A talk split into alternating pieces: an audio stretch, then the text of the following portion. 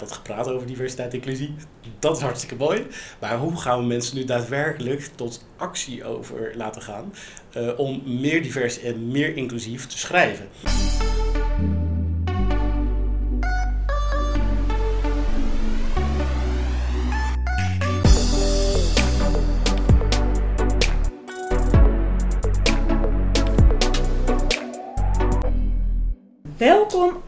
Bij een nieuwe podcast van de Carrierix Keynotes. Een nieuwe maand en dat betekent een nieuw onderwerp. Deze maand staat compleet in de teken van inclusiviteit en diversiteit.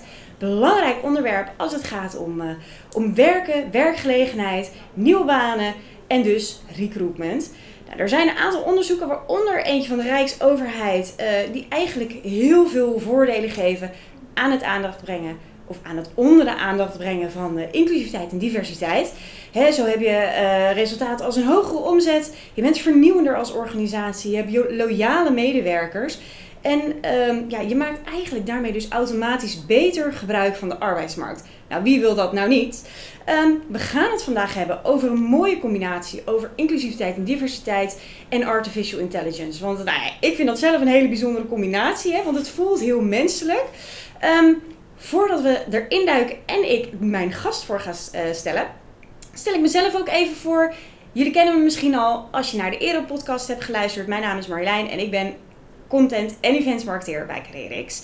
Um, nou, genoeg over, uh, uh, over mij en over de introductie, want ik wil eigenlijk uh, direct naar mijn gast. Ik heb namelijk een heel bijzonder iemand uitgenodigd en dat is Mikael van Bodegom. Goedemorgen eigenlijk, want we zitten in de ochtend. Jazeker. Um, Mikael, Stel jezelf even voor, wie ben jij? nou, Miguel van Modegom dus. Uh, ik ben van het bedrijf Cortexter, dat uh, nu een uh, aantal jaren uh, bestaat. en ehm, ik heb een achtergrond in de psychologie, dus heel mensgericht.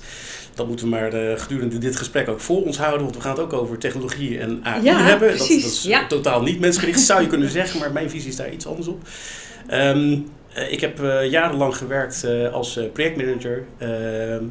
op een gegeven moment programma's, portfolio's gedaan, consultant. Eigenlijk heel erg veel, maar allemaal met het oog op vernieuwing. En vernieuwing moet je heel breed zien. we staan nu op punt X, we willen naar punt Y. En dat kan heel simpel en, uh, en bewezen zijn. Hè? Gewoon, uh, je pakt een oplossing van de, van de plank en gaan. Uh, maar dat kan ook iets heel ingewikkelds zijn. Namelijk, we hebben een bepaald beeld of een richting. We weten alleen niet helemaal wat het is. En we weten ook niet hoe we er moeten komen. Ja. Dan praat je vaak al over ja, wat, wat complexe, innovatieve systemen. En dan heb je andere methoden nodig. En ik ben wat meer daarop gaan richten. Um, uh, waarom vinden bedrijven dat nou interessant? Ja. Die willen gewoon hun, uh, hun concurrentie de loef afsteken. en af en toe moet je dan dus een keertje een pad inslaan wat wat ongebaand is. En ik help ze daar vaak bij. Um, op een gegeven moment ben ik uh, binnen recruitment uh, terechtgekomen. Uh, na overigens jarenlang bij een detacheringsbureau te hebben gewerkt. Ja. Dus ik wist al wel wat van arbeidsmarkt en bemiddeling. Um, en, en, ik heb bij zowel USG People gezeten. bij de corporate kant, daar voor innovatie. Dat, dat mocht ik daar gaan, gaan helpen groot worden. Uh, en daarna ben ik bij Olympia aan de slag gegaan. Uh, een heel leuke franchise-organisatie waar ik ook uh, veel innovatie heb mogen doen en ook nog strategisch advies heb mogen geven. Um, en er zijn gaandeweg ideeën ontstaan. Ja. En die ideeën die waren van, goh, die, die recruiter die doet fantastisch werk, maar het werk is zo breed wat hij doet. Die moet eigenlijk ja, het is geen T-profiel. Hè, met, uh, ik, ik, kan een paar dingen in de breedte en heel veel in de diepte. Nou, die, die, die, dat, is, dat is gewoon een stuk of 28 uh, T's achter elkaar. Hè. Je mm-hmm. moet overal ontzettend goed in zijn als recruiter. Nou, inderdaad. Ja, daar heb je helemaal gelijk in. Echt. Nou, dat is ook een probleem gelijk, dacht ik. Hè, want dat kan helemaal niet. Je bent in een paar dingen heel goed. En in de, in de rest, uh, nou, op zijn best misschien uh, gemiddeld of, of zelfs matig. Ja. dus laten we nou kijken naar waar we ze kunnen helpen met, met technologie. Daar waar de markt het nog niet zo heel erg veel heeft opgepakt. Yeah. En dat is wat Cortex doet nu met uh, vacatures. Helpen vacatures schrijven precies, op want, een diverse, inclusieve manier. Ja, precies. Want dat is eigenlijk de basis van de organisatie uh, Cortexter. Hè? Ja. Die helpen uh, door middel van technologie met het schrijven van vacatureteksten. Klopt inderdaad. Ja, het is echt onze missie om die arbeidsmarkt eerlijker te maken. En onze manier waarop we dat doen is dus met technologie, plugins in ATS'en zoals Carrierix. Ja. Um, en wij brengen het op die manier naar alle uh, gebruikers eigenlijk van deze ATS'en.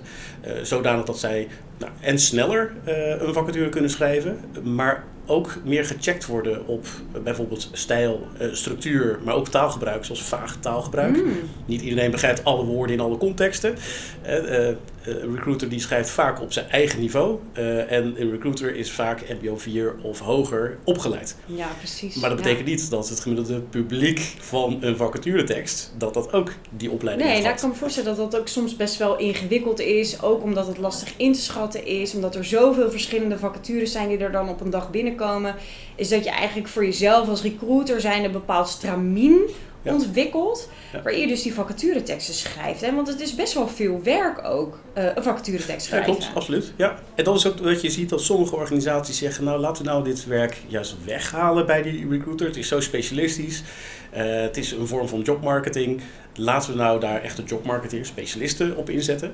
Eh, ik ken meerdere bedrijven die dat doen. Ehm, en die, eh, die, die mensen kun je dus opleiden. Eh, die krijgen heel veel ervaring. Die kunnen met elkaar afspreken van hoe doen wij dat als bedrijf gezamenlijk. Ehm, en die meten dat ook vaak hè, met Ja. allerlei AB-testen. Dus dat is een heel hoog niveau wat je dan kan neerzetten, zelfs zonder de software in te zetten. Eh, wat wij merken is dat er dan nog steeds best wel wat checks Ja. kunnen plaatsvinden. en dat er uit de checks toch regelmatig nog allerlei tips en tricks komen. Ehm, dus zelfs in die gevallen dat er specialisten en experts bezig zijn, dan zien we nog steeds dat, eh, dat het heel relevant is om daar software tegenaan te zetten. Want die software die, ja, die, eh, die checkt gewoon gerust, ik noem wat hoor, 800 vage, vage woorden. Ja, ja dat is Eh, behoorlijk. En, en, en, en gewoon een paar honderd eh, eh, vooroordelen. Mhm. En die checkt gelijk ook op de lengte van de zinnen, et cetera. En heeft allerlei optimalisaties in zich zitten. Zodat je maar geen drempels in je vacaturetekst hebt staan. Precies. Want ja. dat is het hele idee, hè? vacaturetekst is een uithangbord. Je wil zoveel mogelijk Ja, kandidaten zeker, krijgen. zeker. Op socials kom je ze tegen. Je hebt je natuurlijk op je eigen website staan. Je wilt dat mensen op je vacature solliciteren. Inderdaad, want je wil niet dat die goede kandidaat, althans je weet van tevoren natuurlijk niet wie goed is, maar je wil dat die, die goede kandidaten allemaal gaan reageren. Ja. En diegenen die niet helemaal passen op eh, de functie, dat die zich ook minder aangesproken voelen. Ja, Maar wel dus op die inhoudelijke criteria. Ja. En niet op onbedoelde criteria. Eh, Dat noemen we ook wel biases of vooroordelen. Ja, hè? Dat zijn die drempels waar ik het net over had. Ja. Drempels in een tekst voor mensen die zeggen... Hmm, ik met mijn etnische culturele achtergrond, ik, ik, nou ja, zo, die voelen zich minder aangesproken. Maar het, het gaat meestal heel niet, niet zo expliciet. Hè? ja. Het is ja vaak daar, gevoel. daar ben ik eigenlijk wel nieuwsgierig naar. Hè? Want eh, ik heb natuurlijk ook op jullie website zitten kijken. Je zit hier natuurlijk niet voor niets. Want jullie zetten ook echt heel erg in op inclusief schrijven. En dan heb je dus die, die bias detector, zoals jullie dat eh, noemen. Dat, tenminste, dat heb ik eh, gelezen op jullie website. Mhm. Hoe werkt dat precies? Nou, wij hebben nu eh, eigenlijk twee dingen. Eén is, eh, we kunnen achteraf een tekst analyseren. Eh, dus de tekst is er, die Mhm. is al eh, geschreven. En dan zeggen wij, oké, eh, je hebt van vijf biases, dus eh, leeftijdsbias bijvoorbeeld, en etnisch culturele bias eh, die ik net noemde. eh, maar ook eh, man-vrouw, dus de gender bias. Overigens zit daar ook LHBTQI in. Ehm, we hebben no- nog eh, een aantal biases, dus in totaal vijf. vijf plus allerlei eh, andere checks. Dat wordt allemaal geanalyseerd en je krijgt daar direct tips van mee. Sommige tips die staan gelijk in de tekst. Hè, dus dan zie je een, een highlight, een bepaald woord, of een korte zin. Die wordt dan gehighlight. En eh, als je daarop gaat klikken, eh, dan zie je gelijk in een pop-up van... Oké, dit is er aan de hand en dat is wat je kan doen. Oké. Dus we helpen, we zeggen niet gewoon eh, van de recruiter, je hebt een probleem, succes ermee. Maar, nou, dit schrijf je niet goed hoor. Dat eh, kan echt nee, niet. precies, nee, dat kan echt niet. dat kan echt niet. We, we zeggen dan ook gelijk van, joh, en dit is mogelijkheid wat je ermee kan doen. Ja, in de ja. meeste gevallen zeggen we gewoon letterlijk van, vervang het door X, Y of Z. Oké. Eh, in sommige gevallen doen we dat niet, maar geven we wel een advies, wat je er wel mee kan doen. Ja. Dus laten nooit iemand in de kou staan. Maar we hebben ook een, een dashboardje. En dat, Oké. dat dashboardje kan je dus echt zien, letterlijk van, ik heb zoveel biases in die categorie zitten, of ik heb zoveel vaag taalgebruik daarin zitten. Ehm, dus je ziet ook, eh, ja, hoeveel werk heb ik nog om bij Ja. mooie vacaturetekst echt mooi te krijgen. Ja, ja, ik ben echt enorm gefascineerd hierdoor. Want ik, heb, ik ook, krijg meteen ook duizend vragen. Want hoe, een gesprek dan. hoe komen jullie aan die, die data? Hoe weten jullie dat, eh, nou, stel bijvoorbeeld dat ik je veel, veel eh, of tenminste een, een vacature schrijf die heel erg gericht is op een man bijvoorbeeld. Hè? Dus Ja. eh, de- ik wil eigenlijk allemaal dat die, nou laten we alle voor, vooroordelen maar meteen op tafel gooien. Eh, maar dat het een klusjesman is en dat hij eh, mijn keukenkastje gaat repareren en dat soort dingen allemaal. Nou, dat zet ik allemaal in een, in een vacature. Eigenlijk allemaal vanuit eh, ja, het perspectief van een, van een man geschreven. Ja. Maar een vrouw kan natuurlijk precies hetzelfde werk net zo goed doen. Maar hoe komen jullie dan aan die data en hoe geven jullie dan uiteindelijk die suggesties ook? Of is dat het geheim van de smid? dat is het geheim van de smid. Nee, maar zonder al te veel eh, eh, eh, geheimen hier te prijs te geven. Ik, ik, ja, er zijn heel veel onderzoeken gelukkig al gedaan. ja. Ehm, dit is een onderwerp wat nou ja, sinds de jaren tachtig ongeveer aandacht heeft van de wetenschappelijke wereld. Niet alleen maar in ons eigen kikkerlandje, want wij zijn maar heel klein. Mhm. Ook op taalgebied zijn we heel klein. Hè? Dus Ja. al het onderzoek, dat heb ik zo'n beetje wel gelezen op dit vlak. Eh, en eh, gebruiken we ook. Eh, maar grote taalgebieden als het Engels, die bieden heel veel aanknopingspunten om ook in het Nederlands zelf onderzoek op te zetten. Dus dat is eigenlijk de combinatie die we hebben gedaan. Heel veel papers, eh, Ja. eh, eh, lezen, van de recente papers ook de schrijvers achterhalen, daar contact mee leggen. Eh, en eh, vaak ook gewoon zelf onderzoek doen. Ehm, en dat is onderzoek dat is heel, heel statistisch eigenlijk. Het is echt, eh, nou ja, Ja. een beetje zoals veel mensen dat zullen kennen. Hè, je, je hebt al, echt een hele mooie eh, vragenlijsten en dergelijke. Eh, dat, dat, dat kan je gebruiken. Maar je hebt ook gewoon ongelofelijke hoeveelheid eh, data heb je nodig. Er zijn heel veel vacatures. Ja. En dan ook echt laten scoren. Hè, van eh, welke, welke vacature vindt een recruiter nou een goede vacature. En waarom is dat zo? Nou, dat, dat kan iemand vinden. Maar we kunnen ook zeggen van, hoe heeft hij geperformed? Hm. Hoeveel mensen zijn daar uiteindelijk op aangenomen? Maar in een voorstadium ook, hoeveel mensen zijn er op gesprek gegaan? En nog weer in een voorstadium, hoeveel mensen hebben überhaupt gereageerd?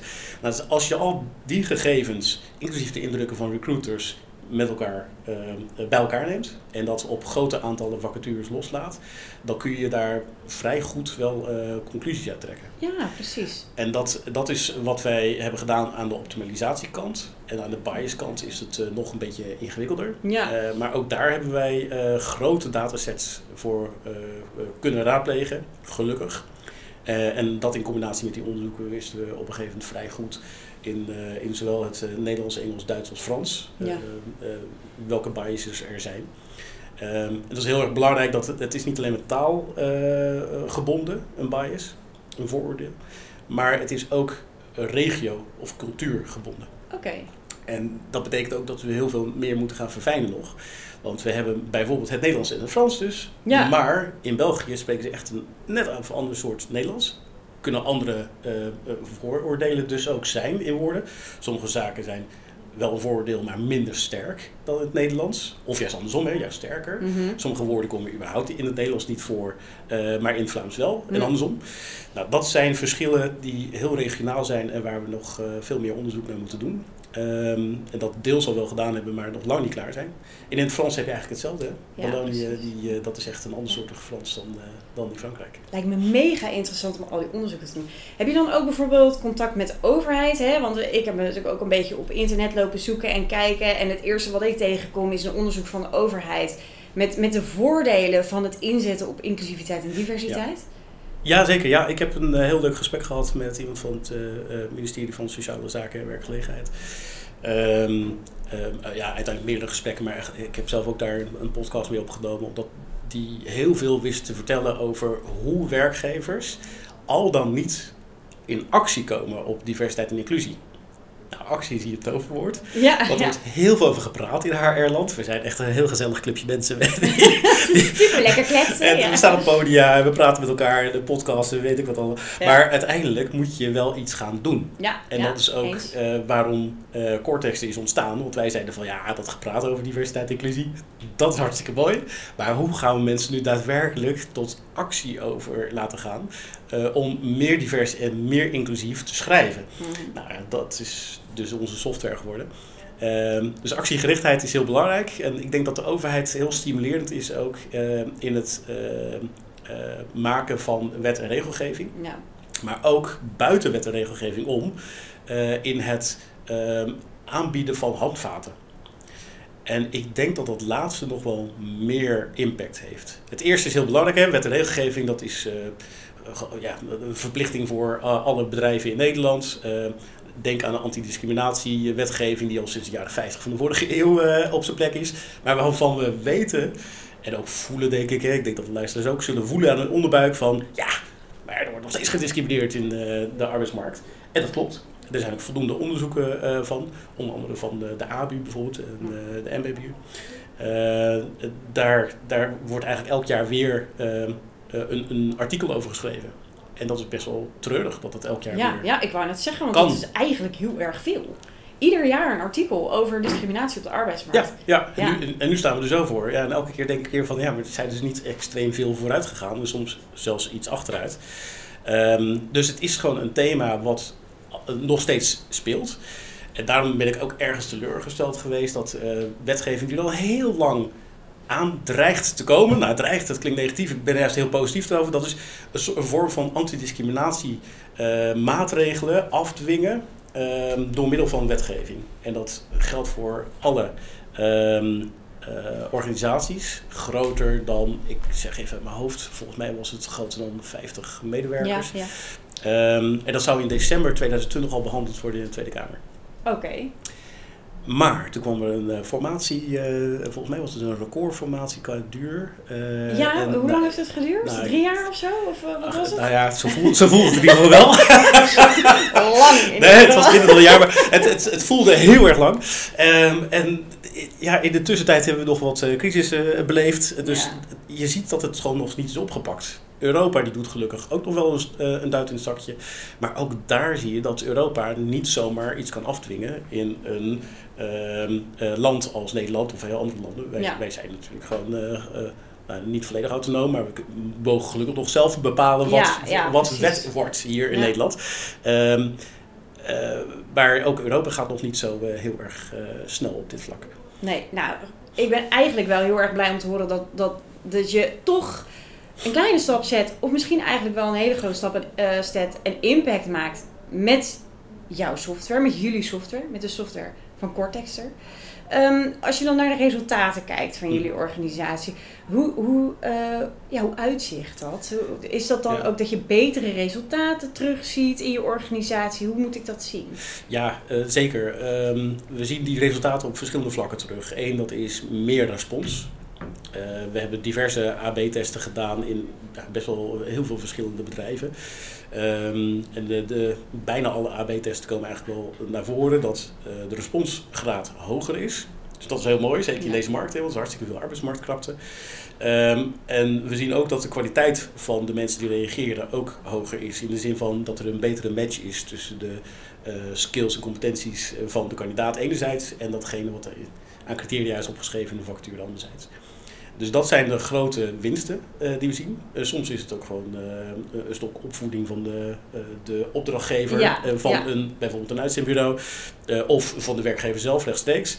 Dat die ook wat minder specifiek zaken moet gaan opschrijven. Hè, dus meer ruimte bieden. Dat kan een, een, deels ook een oplossing zijn. Dat heeft dan niks met onze software te maken, maar wel iets wat ook een verschil kan maken. Mhm.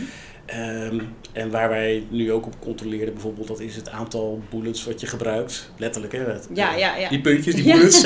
Hoeveel gebruik je daarvan? Of Als je het hebt over die, ja, die, van- skills en competenties. En Ja, Want op het moment dat je er heel veel neerzet, weet je dat kan vrouwen best daar minder op intimiderend zijn. eh, hè? Ja, daar, Ja. vrouwen laten zich eh, iets meer door, door afschrikken. Oké, nou grappig dat ik dat dan ook zeg. Ja, ja. Ja, het is, het is, eh, het is eh, een, een wat ja, ouder gegeven al. Hè. We weten dat eh, vrouwen wat meer geneigd zijn om die vinkjes ook daadwerkelijk te willen zetten. En als er negen eh, dingen staan, negen bullets, en ze hebben er acht, maar die laatste niet, dan, eh, dan kan het zijn dat ze nog afgeschrikt worden. En de man Ja. die zal eerder zeggen van, eh, ik heb drie, de rest komt er wel bij. Ja, precies. En nou ja, dat is Ja. een oud gegeven op zich, maar dat, dat is wel iets waar je dus heel makkelijk op kan checken. En dat is een hele quick win. Doe het niet, beste werkgever. ja, dan Schrijf dit drie anders. max of weet ik veel. Of, inderdaad Ja, nou, die- formuleer het anders. een- Of hoe een, werkt stuk- dat? Een stuk of vijf is prima. En Ja. dan is eh, eh, eh, er is een hele wetenschap eh, omheen ontstaan, eh, zeg maar. ik mooi, ja. Of je nou wel of niet ook een even of een oneindige aantal moet hebben. En of je nou wel of niet ook eh, bij de arbeidsvoorwaarden alvast moet noemen. Dat er bijvoorbeeld een, een auto, laptop van zaak en een telefoon bij zit. Nou, Oh, ja. dat zie je trouwens veel minder tegenwoordig. want het is veel meer bring your own device. Hè. Maar als je dat doet, weet je in ieder geval dat je mannen meer aanspreekt dan vrouwen. Oké. Nou, dat zijn van die dingen die, daar kan je redelijk, redelijk makkelijk op checken. Mhm. En dat doen we dus ook met software. En dat is ook een beetje het idee, hè? want eh, een recruitment manager bij een groot bedrijf die zegt van nou, ik heb, weet ik veel, 10, 20, 100 eh, recruiters. Eh, of als ik in een uitzendbureau zit, heb ik er vaak eh, al, al heel snel meer dan 100. Hè? Eh, het gaat om grote aantallen mensen. Ja, maar hoe ga ik nou de kwaliteit controleren van hun output? Ja. Nou, dat weet je vaak helemaal niet. En dan is het ook heel fijn als je software hebt, waarvan je zeker weet van, oké, als gewoon mijn medewerkers netjes de tips en tricks van die software volgen, dan is dit het minimum eh, aan kwaliteitsniveau wat ik heb en dat vind ik meer dan acceptabel. Ja. En dus dat is ook eh, heel fijn om dat te hebben. Ehm, maar tegelijkertijd, ja, wij zeggen gewoon van joh, diversiteit en inclusie, dat is ook iets wat je vanuit een morele overwegingen zou moeten doen. Ja. Intrinsieke motivatie Ja. daarvoor moeten hebben. Het is niet alleen maar een, eh, een check in the box voor je corporate social responsibility rapportage aan het einde van het jaar. Is dat, is dat die 5% eh, of is dat weer wat anders? Zit ik nou weer een heel.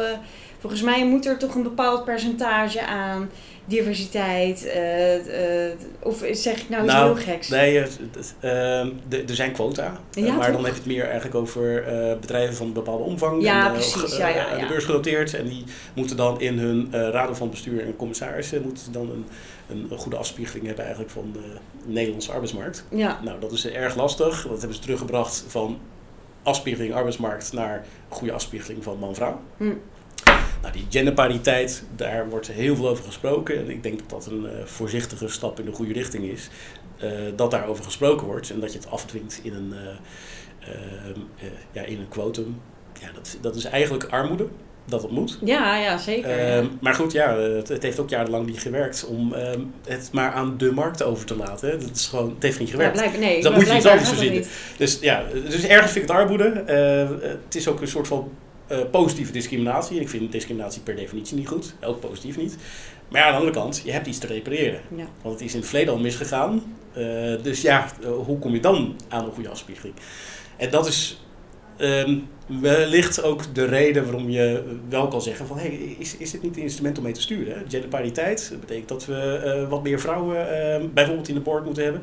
Maar ook in de rest van de organisatie zul je dan meer vrouwen moeten gaan eh, eh, eh, aanspreken en toelaten op jouw eh, functies. Eh, omdat je nu eenmaal ook een groei moet hebben in die organisatie. Mensen moeten hun carrièrepad kunnen volgen. Ja, En daar ja. ook in dat carrièrepad dezelfde kansen krijgen. Nou, nu is dat niet per se de focus van Cortexter. Maar dat zit wel in onze filosofie. Want wat is nou eerlijkheid op de arbeidsmarkt? Nou ja, en ik denk ook Iedereen wel dat het, kansen. dat het toch ook, hè, de, eh, Cortexter en, en eh, dat, dat inclusief schrijven is toch ergens vanuit geboren natuurlijk. En, en wat ik bij jou hoor, is dat je echt wel passie hebt en dat je je daar echt wel voor inzet. Heb jij nog, nog wensen voor de toekomst? Hè? Ik hoor best wel wilde plannen aankomen natuurlijk. Ja. Nou, die zijn echt concreet. Maar is er nog iets waarvan je denkt, nou daar zou ik ook nog heel graag het verschil op willen maken? Jazeker, ja. ehm, nou, wij werken niet voor niks met allerlei partners samen. Die partners die hebben al een hele brede suite van functies eh, die, die recruiter helpen in die, eh, dat hele brede werkveld wat ze hebben. Eh, en wij doen dan één ding eh, daarmee. En wat we het liefste hebben is dat we veel meer, ehm, eh, ook bijvoorbeeld met werk.nl van, Ja. van het UWV in Nederland, of van de collega's in andere Europese landen, dat we daar veel meer ook mee willen gaan samenwerken. Eh, want die, dat zijn niet alleen maar van zichzelf al hele grote eh, bedrijven. Het UWV is een mega groot, 20.000 mensen of zo werken daar. Het is echt mega groot. Mhm. Dus die hebben zelf ook interne recruitment. Maar via werk.nl hebben ze natuurlijk ongelooflijk veel vacatures die er doorheen gaan. Nou, we zitten heel graag ook daarin voor allerlei eh, checks op diversiteit en inclusie en andere optimalisatiefactoren. Dus dat is iets waar we nog heel graag mee willen samenwerken. Ehm, en ja, mijn grote droom is dat we ehm, eigenlijk het een beetje uit die praatsfeer komen en dat, dat mensen zeggen van diversiteit en inclusie, ja, dat is eh, verhogen van kwaliteit. En dat zien we allemaal wel, maar vervolgens het niet echt doen omdat hun KPI's het niet toelaten. Ze worden niet, Nee, eh, precies. het maakt voor hen Nee, je Eh, voelt het niet direct in je portemonnee. Of Nou, klinkt, het klinkt heel lullig oh, eigenlijk. lullig. Nee, maar, Nee, nee. het is waar. Ja, toch? Ja, nee, wat je zegt is helemaal waar. Uh, en het is niet alleen maar portemonnee. Hè. Soms heb je nog, uh, nog wel een paar meer uh, KPI's. en hoe lager je in een organisatie komt, hoe meer dat eigenlijk geen resultaat-KPI's zijn, maar productie-KPI's is. Zo van hoeveel throughput heb je en word je daarop afge... dat wordt gemeten ja. en, en dat, ja, dat resultaat dat wordt jou toegerekend. Um, maar je wil eigenlijk veel meer hebben dat diversiteit en inclusie, die kwaliteit, dat dat ook in die KPI's zit. Ja, precies. Um, ik heb een tijdje geleden gesproken met iemand die heel veel consultancy doet voor uh, allerlei raden van bestuur uh, van grote bedrijven. En dat gaat over um, diversiteit in een hele brede uh, zin. Um, maar die doet ook onderzoek naar bijvoorbeeld beloning, naar carrièrepaden. en die legt op basis van de data die hij daaruit krijgt en de, en de analyse die hij doet, legt hij bloot waar de pijnpunten zitten. Nou, dat is meestal een hele pijnlijke exercitie. je moet wel durven op die pijnbank te gaan liggen. Dus het, het ver, uh, je hebt ook lef nodig ja. als, um, en niet alleen maar raden van bestuur, maar elk management heeft lef nodig. Als, uh, ja, ondernemer, maar ook manager. Ja. Uh, dat, dat vind ik nog net even een andere slag. Ja, meeste mensen zijn manager. Ja, precies. En die moeten ook het lef hebben om te zeggen van... hé, hey, elke manager heeft weer een baas boven zich. Beste baas, jij rekent me af op dit. En tegelijkertijd praten we over dat. Daar zit een verschil tussen. Laten we dat dus uh, een keertje blootleggen. En kijken of je niet datgene waar we over praten, dat je er ook op kan afrekenen. Als dat diversiteit en inclusie is of gelijke beloning, dan moeten wij ook daarop afgerekend worden. Maak dat dus een KPI. Ja. Want dan wordt het niet alleen maar voor jou belangrijk, mij belangrijk of als organisatie. En we rapporteren erover in een mooi rapportage elk jaar. Nee, dit is iets wat we doen.